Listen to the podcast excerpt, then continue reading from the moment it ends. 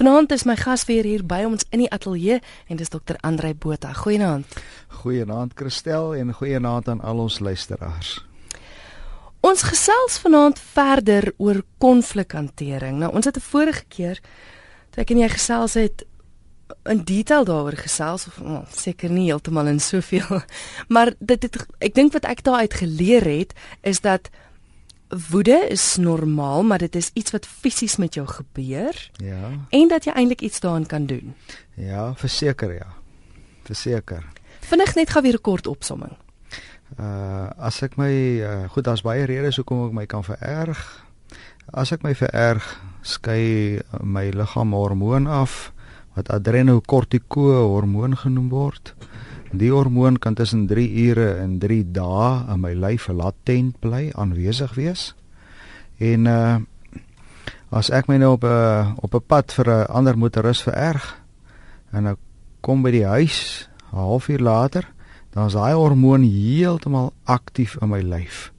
En die volgende een wat iets skeef sê, die gaan nou deurloop onder die pad woede hormoon. So die hormoon gaan saam my huis toe. Okay. Mhm. En ek moet dus bewus wees dat uh, woede het altyd 'n fisiese komponent. Dit het te doen met jou opwekkingsvlak van jou lyf. So om te beheer, moet 'n mens in kontak kom met hoe opgewerk ek is. En nou goed van die bekendste maniere om daai opgewerktheid uh sagter te maak is dalk om 'n bietjie te oefen of om doelbewus te gaan ontspan of dan die baie beroemde verskillende asemhalings tegnieke. Reg asemhaal. Ek moet sê ek het van ek en jy laas gesels het, het ek die asemhaling probeer ja. alles ek in die motor is. Ja. en dit werk. Lekker diep. Vinnig net gou weer die asemhaling. Ja, techniek. lekker diep asemhaal, so 3 tellings in, lekker diep inasem en dan nog beter deur die mond uitasem. 3 tellings in. Dis nie skerp in en skerp uit nie. Dis so 'n lang slap draai in en uit. En as jy mens uitblaas deur die mond uitblaas en jy laat sak jou skouers, sal jy verseker voel hoe jou lyf slapper word. En 'n slap lyf kan nie kwaad word nie. Dis lekker, né? Dis goeie nuus. Ja, goeie nuus, ja. Nou ek kan begin met 'n e-pos wat ons vorige keer gekry het. Ons laas daaroor gesels het en die e-pos kom van 'n gebroke pa. Wat sê my seun het by 'n meisie gaan bly teen al ons geloof, opvoeding, wense en teen verskeie versoeke om ander planne te maak. Toe hy na 'n paar maande terugkom huis toe om sy goed te kom haal, het ek aangedring dat ons eers oor die saak praat voor ons saam kan kuier en hy in my huis kan slaap. Ek sê hy kan nie in my huis kuier en slaap as hy doen wat verkeerd is en in rebellie teen ons is nie. Hy word te kwaad en is uit en dis nou al 3 jaar sonder kontak. My vrou hou egter kontak en verwyd my al die jare dat ek hom soos 'n hond weggejaag het. Raad asseblief van 'n buitestander. Goed, kom ek begin deur te sê dat die uh, huidige selfoonrevolusie wat hier so so in 95 begin het en daarna het die internet en die goeters bygekom. Ehm um, dit het die huidige jong mense in 'n morele ja, wat sal ek sê, 'n morele warboel neergesit. Ek uh, praat bietjie met professore wat op universiteite werk met jong studente en sê die die die stoei met moraliteit onder jong mense op die oomblik is absoluut onmerklik en dit binne 5 jaar gebeur. Nou ons Afrikaners ons Afrikaanse radiostasie RSG ons Afrikaners liewe vriende die is 'n baie sterk morele siviele korrekte gemeenskap, maar ons sukkel om 'n genadige gemeenskap van mense te wees. En ek dink die tyd het gekom dat ons baie genadig met hy met 'n ander generasie, 'n ander sieninge saamlewe. Ek dink uh, ons gaan die generasie 'n geweldige guns doen en begelei na wysheid as ons aanvaar die mense ons kinders aanvaar en aanvaar en aanvaar. Want waar moet hy nou in hierdie morele moeilike tyd wanneer moet uitmaak wat is dit om saam met iemand anders te lewe moraliteit? Waartoe moet hy nou met sy raad? As ek de mekaar is met die goed waartoe moet ek? So ek ek as ek as ouer moet probeer om nie die verhouding af te sny nie. En die uh liewe vriende ek is self uh, 64 jaar oud so ek ek weet van die geweldige generasieverskille maar die die tyd het gekom dat dat ons meer plek maak, ruimte maak vir mense wat anders as ons dink. Dit gaan, ek wil dit waag om te sê, dit gaan byna 'n generasie vat om uit te maak hoe lyk hierdie hele seksuele seksuele moraliteit wat tans oor ons spoel. Gaan byna 'n generasie vat. 40 jaar plus. Op die oomblik is dit so te sê anything goes. Enigiets is reg. Die gevolge hiervan is natuurlik nog nie wetenskaplik uitgespel nie en dit sal oor die dekades heen wys. Maar vir nou dink ek is die groot ding dat my kind moet by my die tuiste wees. Ek wat die, die morele vlagdraer in die familie is, my kind moet by my hmm. geweldig tuis kom. So met ander woorde, raad aan die gebroke pa is om die verhouding met sy kind te herstel. Ja, ek dink so, want mense moet onthou hierdie soort van afsnyding wat jy in 'n familie kry soos hierdie nou. Eh, eh, daai ding gaan oor generasies heen dit kan 4, 5 geslagte later kan jy hierdie soort van afsnyding tussen ouers en kinders ouers gaan om die patroon kan hom herhaal. Hmm. Hierdie seun wat sy goed gevat en geloop het, sy seun kan weer afsny. En dis dan die, die volgende generasie kan weer afsny. So liewe vriende, ons moet verhoudinge is kosbaar. As jy op jou sterfbed lê, dan weet jy, die lewe het toe gegaan oor verhoudinge. So. Nie oor wie was reg nie. Mm. maar oor verhoudinge. En verhoudinge beteken dat dat ek met my foute en al by my mense tuis kom. Ek het nog 'n SMS hierso. Dit gaan nou oor konflik by die werk. Dis 'n luisteraar wat sê, "Hoe moet ek as toesighouer 'n werknemer wat nie aangestel is en vreeslik aggressiewe dinge doen en wat dinge verander wil hê, hoe moet ek dit doen want dit veroorsaak konflik in die kantoor? Hoe hanteer ek dit?" Nou goed, uh, ek ken nou nie die situasie nie, 'n mens gaan nou so 'n soort van 'n generiese antwoord gee. Ehm um, ek dink 'n mens moet so 'n gesprek kan hê met die werknemer eh, soos die persoon nou sê die moeilikheidmaker dat die werknemer ervaar my toesighouer is die een wat my die beste in Transvaal of Gauteng dan verstaan nê dit is ongelooflik belangrik dat ons iets sal begryp van en ek gaan 'n Engelse spreekwoord gebruik there's a method in the madness. Weet van buite af lyk dit asof hier 'n ongelooflike dwarstrekker is. Maar wat is dit daar binnekant? Ek kan ook noem soos wat 'n mens uh deur fisiologiese veranderinge gaan ek kruip en dan loop ek en dan kry ek baard en so aan ek word ouer So gaan ons deur sielkundige fases wat ek nie nou gaan noem nie. Ons gaan deur morele fases. Ons gaan deur geestelike fases. Maar nou, liewe luisteraar, die samelewing of dan sosiologiese sisteme gaan ook deur fases. Ons kom uit 'n fase uit van die Afrikaanssprekende wat goed wou beheer met reeltjies en uh take en jobkaarte. Daar was orde gewees.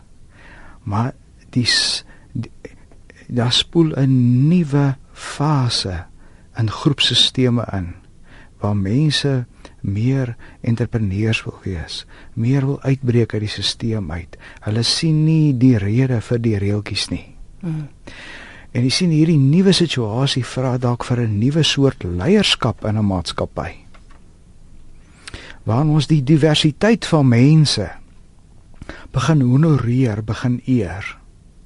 My ongelooflik kosbaar dat dat die ou wat altyd anders dink, die ervaring hê, wow, my team valideer my en luister na my. En ag, my idees hoog. Nou goed. So probeer die persoon wat die moeilikheid maak, probeer om 'n stem gee. Probeer hom hoor. Gee hom die belewenis hy word gev gevalideer met sy siening. Meestal help dit. Maar nou wil ek daarom ook net byvoeg. So een uit elke 10 mense die het 'n persoonlikheidsversteuring. 'n Persoonlikheidsversteuring is permanent. Mm. En hulle verhoudinge daar's 'n klompie van daai persoonlikheidsversteurings soos die in Engels borderline personality disorder, die narcissistiese persoonlikheidsversteuring, die antisosiale die obsessiewe kompulsiewe persoonlikheidsversteuring. Daar's van hulle waar die verhoudinge is in 'n is altyd in die moeilikheid. Mm. En die toestande is permanent. En die persoonlikhede sal aan byna enige konteks moeilikheid maak. En daarmee het ek gesê baie keer moet 'n mens nie probeer om alle verhoudinge te red nie nie alle verhoudinge is redbaar nie. Partykeer is dit beter om iemand te laat gaan. Om te sê maar ons het nie hier 'n 'n passing in 'n maatskappy nie. Ek koop ek help ek koop ek help met die antwoord. Ons gaan gou lyne toe. RSG goeie naand. Daai luisteraars vloer. Ek dink dit sal heel moontlik dalk dieselfde raad dan ook wees vir die SMS wat sê Ek het hulp nodig. Ons skoolhoof is onvergenoegd en noem almal onbevoegd. Sy beheer absoluut alles. Personeel is gedemotiveerd en ongelukkig. Sy is onredelik. Hoe gemaak met haar? Nou goed, dit ons nou tipies 'n uh, 'n uh, 'n stelselleier wat geweldig glo in die orde. In skole is plekke waar jy ongelukkig orde nodig het. So die die leiers wat ingestel is op struktuur, op reeltjies, op orde, op uh tydskale. Hulle laat baie min ruimte vir mense wat anders is en anders dink. Nou goed. Nie nie alle mense wat in die posisie van leierskap kom, het baie goeie verhoudinge nie.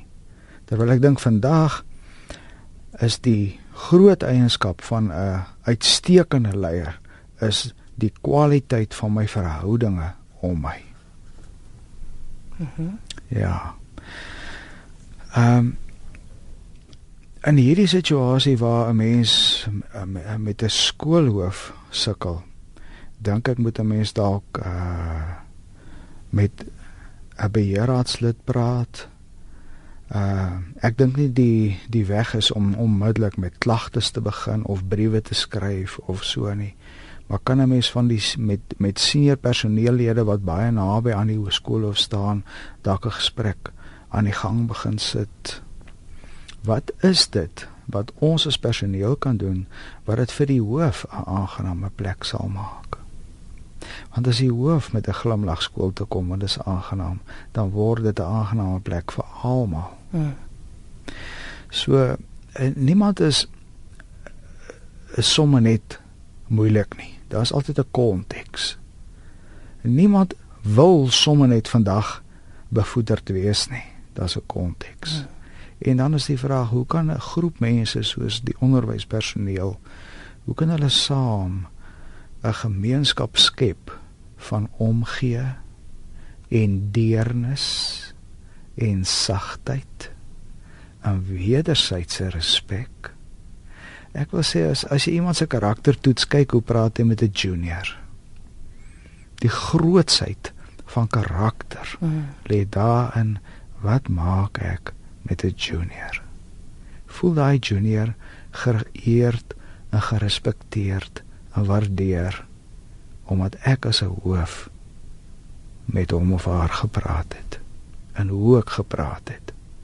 Maar skole se dissipline uh het ek bietjie gelees hang nie so seer af van hoe kwai mense is nie, die hoof of die onderwysers nie, maar dit hang af van die ervaring van barmhartigheid en die ervaring van omgee in daai skool baie waar. Ek dink almal wat terugdink aan 'n eie skoolloopbaan dis die onderwysers wat wat jou bybly. Die sagte mense hmm. die deernismense die mens wat 'n ander mens as 'n mens kan raak sien. Kom ons gaan gou lyne toe. O oh, daar verloor ons weer die oproep. 089 1104553 dis die nommer waar jy kan skakel. 089 110 04553. RSG goeienaand. Hallo. Hallo. Ek stel, maar hoe die gap is afkry. Hoor jy vir my? Ja. Uh, dis Jan Ellis. Daarom sê ek mos wie jy ek het al geprobeer vloek, is ek lag. Maar wie jy, jy kan nie vloek as jy lag nie. Dan om om paal te lag is die beste, want dan kan jy nie vloek nie. Verstaan jy wat ek moet doen? Ek hoor wat jy sê. En daai liefde wat afgesny is van die die ma of die dogter, dit bestaan nie regtig nie. Hulle kan oppervlakkig hulle kan oppervlakkig vlakkig sê daai liefde is afgesny. Maar maar dis nie regtig diep en so nie. Jy weet ek het eendag met 'n meisie kon gepraat. Dis sê maar dis net so skiet liggies wat julle na mekaar toe lig. Hulle is nou hier in lig in daai rigting, daai lig in die rigting. Jy moet hom net elke dag swaai en swaai totdat hy weer oplei. Jy weet daar is nie so ding van 'n van daai liefde wat wat tot die trek want dis die liefde wat ons gemaak het. Dis nie Dit is 'n bietjie anders te gemaak. Jy weet daai liefde van ma tot kant en en en daai goeders. Okay. Baie dankie. Dan dan dan moet jy 'n bietjie lag man. Want kyk ek sê ek myself ek nie vloek as ek lag nie. Okay, dankie vir die bel Jan alles hoor. RSG goeienaand. Goeienaand. Dit lyk my ons het nie daai luisteraar daar nie. Kommentaar op wat Jan alles gesê het? Nee, dit is dis altyd oulik hoe iemand kan kies. Ek kan ek kan ek kan nogal kies wat is my bui. Uh mens kan kies. Wil ek haastig en onvergenoeg en woedend op 'n pad wees of gaan ek agteroor sit en my bietjie oorgie aan die tempo van die pad? As die pad gaan staan, dan gaan staan ek praat nou met myself net. ek praat nou met myself. 'n Mens kan kies, 'n mens kan kies wat ek met 'n dag maak en dit is presies wat hy wil beklemtoon. En dan hy sê baie mooi ding waar ouers en kinders 'n verhouding afsny is hy heeltemal reg. Die verlange, die verhouding bly voortbestaan. Dis 'n ander soort verhouding, maar dis 'n mm. sekere verhouding. Mm die verlange is daar, die hartseer is daar, die gevoel van onreg dalk aan beide kante is daar. Maar daai verhouding wag om weer hande te vat. Ja, daar is eintlik nie so iets van ek sny nou maar die vrou my pa maar af en en dis vir altyd af soos en af af nie. En dis ook nooit te laat om dit reg te maak. En dit is nooit te laat om dit reg te maak nie. Verseker. Hier het 'n e-pos deurgekom van Johan. Hy het hom 3 keer gestuur, 4 keer. Hy wou seker maak hy kom by ons uit. Hy sê: "Naat, my naam is Johan. Konflik lei tog op die ou end na bekleierery. As twee mans begin stry met mekaar en besluit hulle wil nou vuislaan en die een is groot gebou en spot die persoon wat kleiner gebou is deur om te sê dat mm, skus, die persoon wat kleiner gebou is, uh deur die ander persoon te laat voel hy kraak hom af.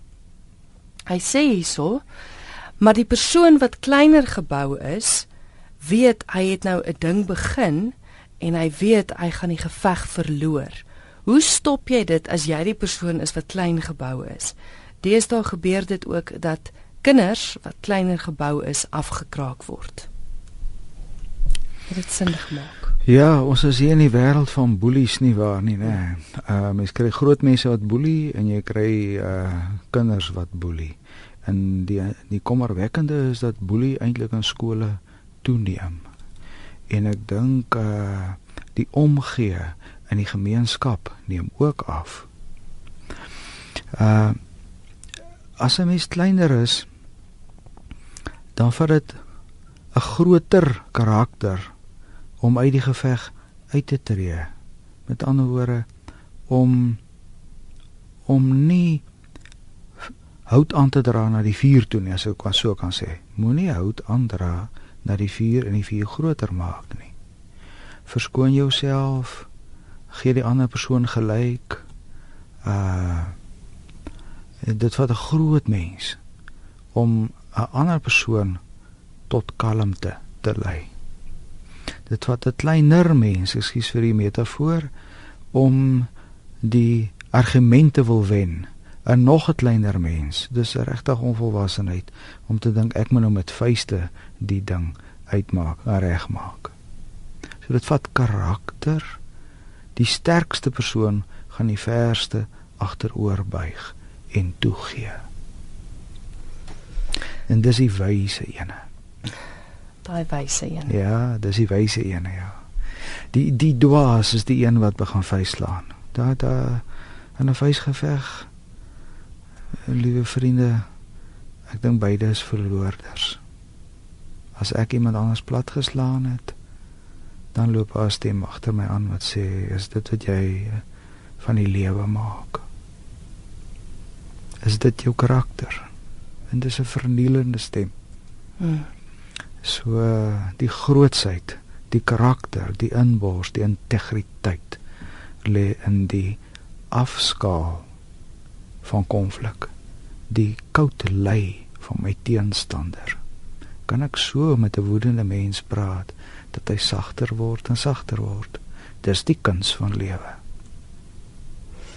Jy is ingeskakel op RSG en jy luister na Geestesgesondheid elke Dinsdag aand net na die 11uur nuus. Dis nou byna 25 minute voor 12. Ons gesels vanaand verder oor konflikhantering en my gas is dokter Andrei Botha. Hy is daar van Koramdayo in Pretoria. Ons gaan gou telefoonlyne toe. RSG goeienaand. Goeienaand. Jammer ek moet nou weer terugkom na die boelies en die seer kinders en die seer ouers. maar vanaand voel ek regtig ek het raad nodig. Ek ehm um, ek is ook 'n pensionaris alleen ma wat uh, ek drie kinders het, maar een is oorsee en as gevolg van 'n baie lelike egskeiding amper 20 jaar terug en die feit dat ek sonder geld en sonder enigiets uitgeloop het uh uit moes loop het gemaak dat dat my kinders baie swaar gekry het. En die tyd eh uh, toe die pa uit die huis uit was en ek het nog ehm um, die, jongste kind mis versorg het. Ehm gevolg van die feit dat hy ges, geswat het, het ek nie geld gehad om om te help en sy pa het hom gehelp en ek is baie dankbaar daaroor, maar En die tussentyd is hy verwyder van my as gevolg van die feit dat as jy die geld aanvaar, uh, dan sien jy nie maar nie en 'n man oupa my en ek kan nie my kind sien nie. Ek kan nie met hom praat nie. En uh, ek uh, ek ek uh, die kind is nou groot al en um, nou 'n ongelukkige meisie wat ook ook so voel of ook saamgetrek is in die kring waar daar nou te lekkerder is en uh ehm um, die skoonouers van van die kind is ook nou hulle hulle bly saam maar die skoonouers is ook nou vir die kind en ek voel totaal verwerking uitgeskuif en ek voel kwaad. Ek het 'n ongelooflike woede in my. En ek voel hierdie woede gaan een van die dae 'n verskriklike ding veroorsaak. Want nou die dag met die Bob Hewitt saak het het uh, ek ook gereageer en mense het ek het gepraat oor wat gebeur het en en hulle het my gevra of ek sou praat en en ek dink gee daaraan uh aan wat gebeur het en hoekom die die kinders dit nie verstaan nie die ehm um, seuns verstaan nie wat regtig gebeur het nie. En ek voel ek wil hierdie ding laat ontplof want ek is, ek voel ek word benadeel en hulle loop skotvry. My kinders verstaan dit nie en ek ek wil net weet hoe hanteer ek hierdie situasie as ek nie hierdie kinders kan nader nie. Ek voel vir iemand wat ver, verhoor is uh sonder of laat laat laat uh, gefonnis is sodat hmm. ek voor gehad het. Want hier ek dit van hier af. Gaan jy by die radio luister? Ek sal, dankie. Goed, baie dankie vir die bel, hoor. Liewe vriende, daar hoor ons die ontsettende pyn en uh hartseer as gesinsverhoudinge so verbreek. Ehm uh, ek waag dit om so 'n bietjie van die kantlyn af raad te gee en vergewe maar ek is gewoond daaraan as iemand by my sit en dan kan 'n mens baie spesifiek uh, met iemand gesels. So hierdie is maar 'n generiese antwoord.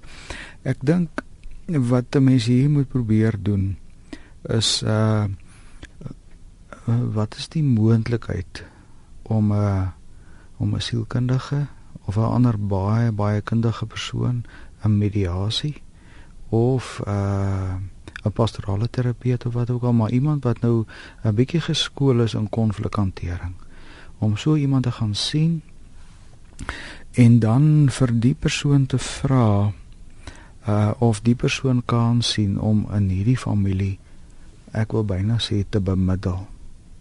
Nou as dit uitstekende sielkundige is of uh so 'n bemiddelaar, dan sal die bemiddelaar uh uh hierdie dame kan help om 'n brief op te stel. Sy moet nie self 'n brief skryf nie, sy sy is kwaad, sy is baie kwaad. En uh, sy moet gehelp word om 'n brief te skryf wat nou naaste my so kan klink. Uh sy kan vir haar kan skryf ek weet jy is kwaad vir my of dat jy nie met my iets te doen wil hê nie.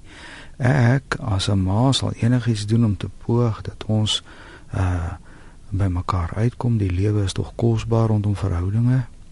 Ek het uh, met 'n terapeut gepraat wat bereid is om 'n bietjie te te bemiddel. En al wat ek van jou my my kind vra is neem net die oproep. Die terapeut het onderneem om jou te bel. En doen net twee goeders asseblief.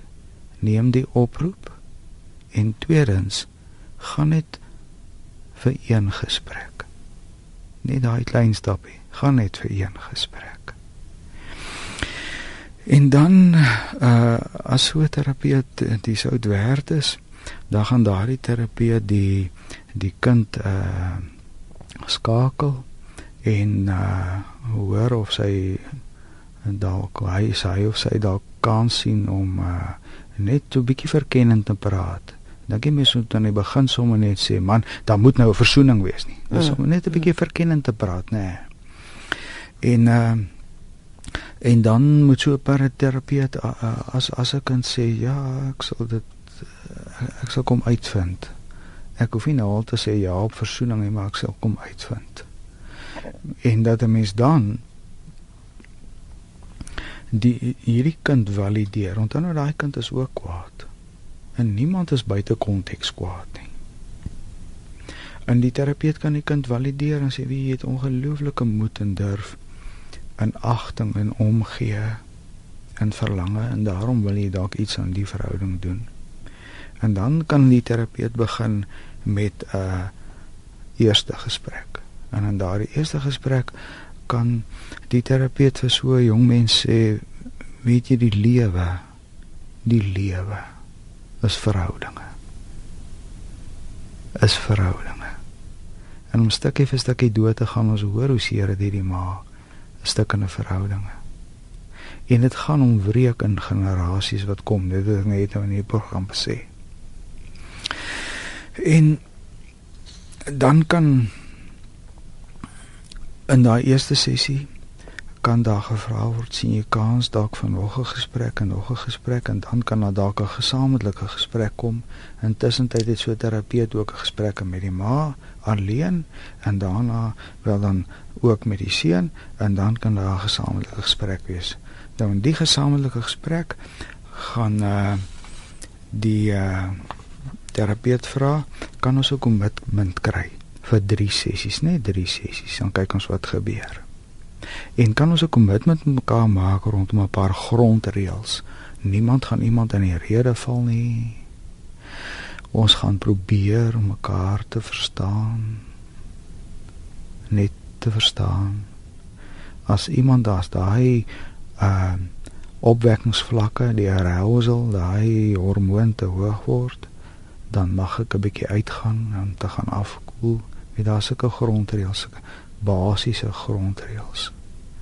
En en dan ehm uh, kan die sake wat in individuele sessies op die tafel gesit is, dan kan dit bietjie op die uh aan die orde kom, net noem wat dit is en wat dit is en dan moet so terapeut dink ek tog ook kom ons stop net so bietjie in hierdie gesamentlike sessie. Kom ons dink net vir 5 minute terug aan aan 'n mooi tyd.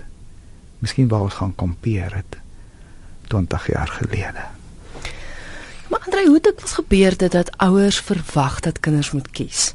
Want dis presies nou wat hier gebeur het. Ja. Ek meen die pa het gesê ek sal betaal vir jou studies, maar ja. dan mag jy nie meer jou ma sien nie. Ja, dis dis uiters onregverdig. Dit is dit is dis tragies, jy weet. Dit is uh ek jy weet ek wil vir baie mense wat wat deur 'n egskeiding sê dit is so dat 'n mens van 'n huwelik dalk nie 'n sukses gemaak het nie. Ons moet probeer om van 'n egskeiding 'n sukses te maak. 'n Suksesvolle egskeiding beëindig die konflik. Dit eh, dit eh, dit wil 'n nuwe soort omgee bring onder twee dakke. 'n Nuwe soort respek onder twee dakke. 'n Nuwe uh ordentlikheid onder twee dakke. 'n Nuwe leef en laat leef onder twee dakke. Maar is dit moontlik want ek meen die ouers is kwaad vir mekaar en nou steek hulle die kinders ook op. As ons nie gaan praat nie, is dit onmoontlik. OK. Maar dialoog is 'n is 'n fantastiese ding. Dialoog skuif die die die vasgekeerde verhale waaraan ek vasgekeer is. Dialoog is 'n wonderlike ding. In 'n in 'n in 'n 'n baie goeie terapeut behoort so 'n situasie te kan bemiddel en dit na kant toe te vat. Goed. En, en en wie weet, miskien kan die pa dan ook mm. as as hierdie kind en ma versoen word, dan kan daar dalk 'n jaar of twee verbygaan dan kan die pa ook dalk deel word van die versoening.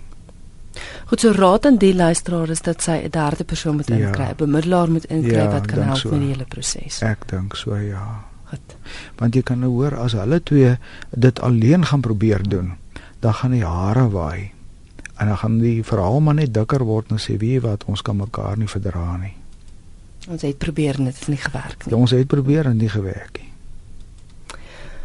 Kom ons kyk of ons oproep nog het of tyd het vir een oproep. RSG goeie naand. Hallo. Hallo, Christel. Ja. ja. Ek my radio opsit. Ehm um, my naam is Ina. Ek bel in, in na aanleiding van die eerste gesprek wat jy gehad het oor die pa en sy seun.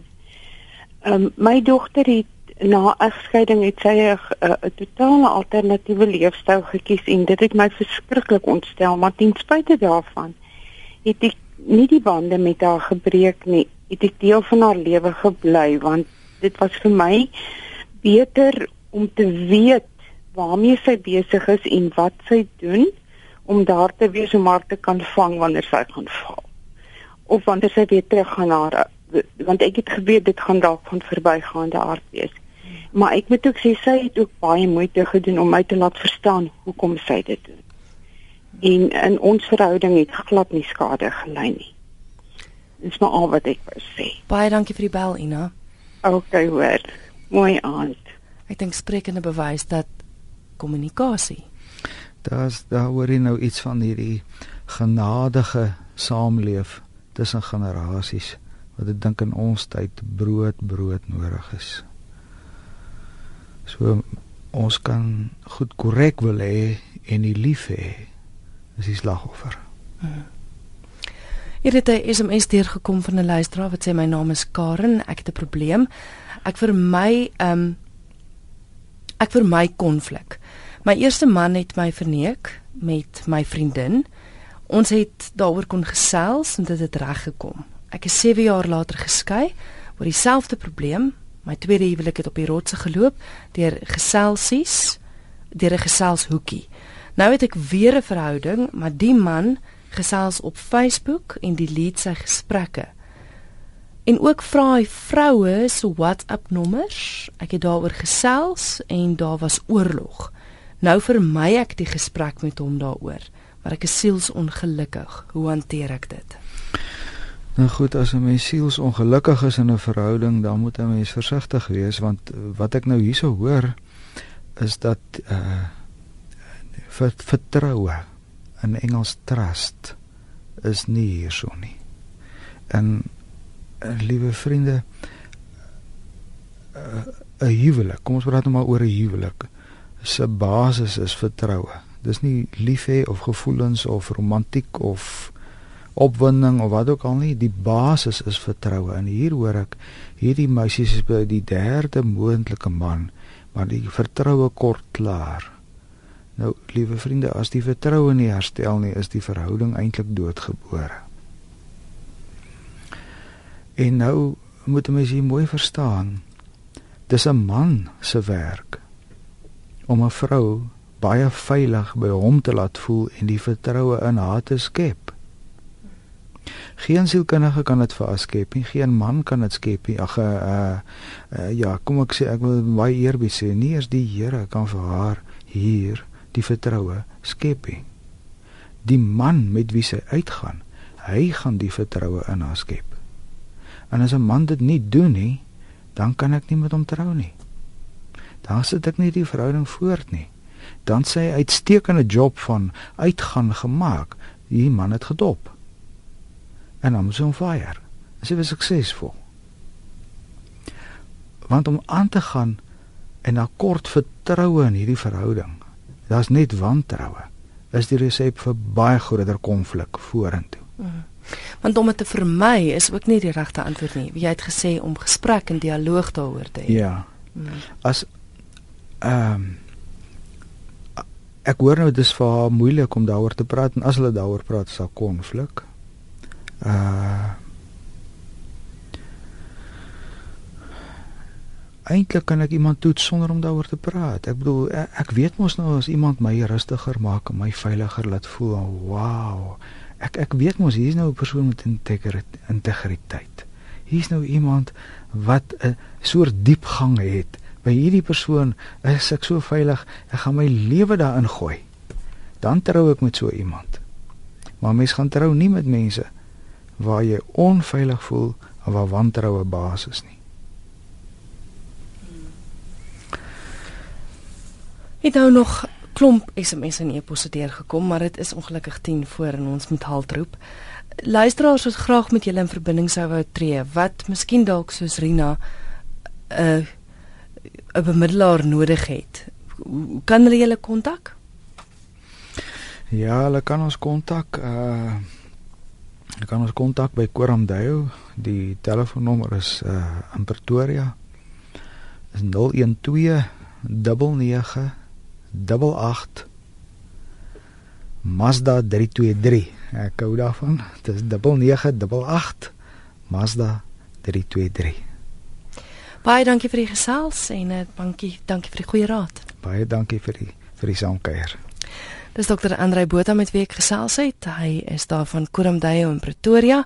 Net gou weer die nommer as jy hulle sou wou kontak 012 9988 323